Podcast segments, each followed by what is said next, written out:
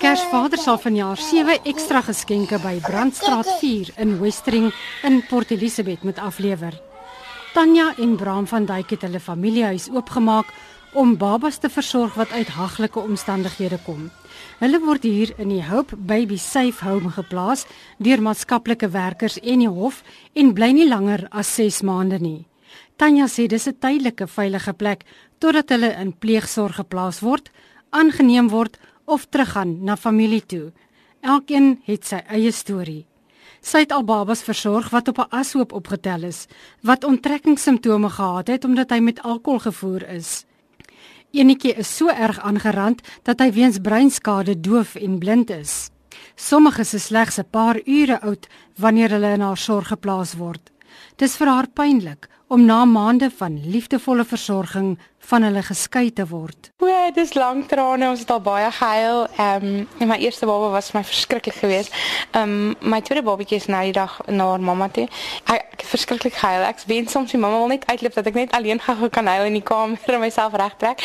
Maar dis lank trane want jy raak baie geheg en dit is en dis 'n goeie ding dat 'n kind ook geheg raak want dit leer hulle in die in die toekoms weer baie goed. So leemte soms vir die eerste 2, 3 dae dan kyk jy nie na daai kot nie want jy weet daai baba is nie daar binne nie en ehm um, of jy word wakker en jy maak per ongeluk 'n ekstra ekstra titi bottel en dan jy mens hy's nie meer hierso nie of hy's nie meer hierso nie. Dit is nog te hard verskeurend as hulle gaan. As kyk as hulle aangeneem word of hulle gaan na 'n beter plek toe dan jy bly, maar dit, dit is nog steeds seer want dit was jou kind vir die tyd vir daai kleintjie hier was. Tanya het 'n 2-jarige pleegkind en 'n tienerdogter in Seentjie van haar eie. Sy en haar man het sowat 'n jaar gelede besluit om kinders te help na hulle eie trauma. Dit is maar liefde vir kinders. Dis kinders mag nie sorg kry nie. Kinders en ou mense is my passie en ek het my eie kind verloor, afgestaan en dood en jy, jy besef dan vinnig wat 'n kind se lewe werd is en en dis nie my reg dat kinders moet swaar kry nie en dis nie my reg dat babatjies moet swaar kry nie. My rowwe start in die lewe te hê en dan nou nog verder moet swaar kry is nie reg nie. As ek 'n klein verskil kan maak, al is dit net 'n verskil in een kind se lewe, het ek my werk gedoen. Dis 'n besige huishouding, maar dinge verloop verstommend vlot. Ek het gelukkig twee mense wat my help gedurende die dag en dan het ons een volonteer wat inkom op 'n Dinsdag en 'n Donderdagoggend en sy sy kom karrel net so sy geniet haar karrels. Maar jy raak gewoon aan dit raak soos 'n rotine en in ons huis werk ons streng volgens 'n rotine jy's van dis iets wat die kindertjies nie ken as hulle hier aankom nie. Hulle ken nie dissipline nie. Hulle weet nie wat se rotine nie. Hulle weet nie wat se liefde nie.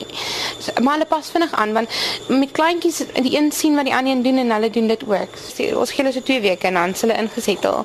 So ons hulle kleintjie kry wat vloek en slaan en knyp en byt en dan 2 weke nader dan dan hulle al vergeet daarvan.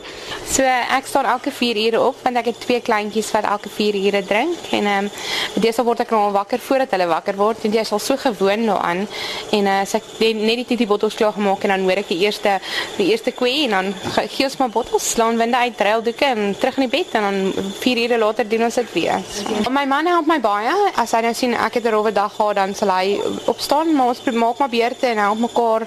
Maar ek moet sê ek is ek is regtig getroud met 'n wonderlike man wat my die geleentheid gegee het om dit te doen wat ek graag wou doen.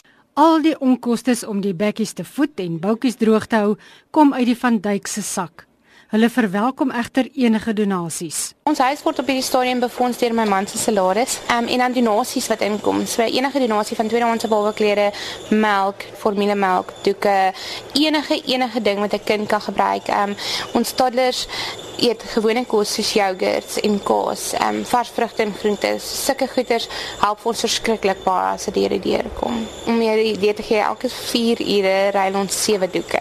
Hoewel sy heeldag te doen het met die slagoffers van geweld, verwaarlosing en verwerping, glo sy tog die 16 dae van aktivisme het 'n impak. Ons almal is meer bewus dat daar sulke goed aangaan in die wêreld. Want baie van ons loop met oogklappe rond en glo nie dat 'n man 'n vrou slaan en glo nie dat 'n man 'n kind mishandel of doodskop op of dit. So ek glo dit het ons meer bewus gemaak en ek dink die bewustheid het 'n groot deel daarvan. Die ses babas in haar sorg lê rustig in hulle wit kotjies in 'n sonnige kamer met 'n vrolike hangspeelding om na te kyk en luister.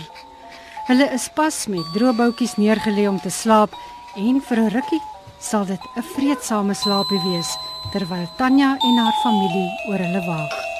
Veronica Fourie in Port Elizabeth.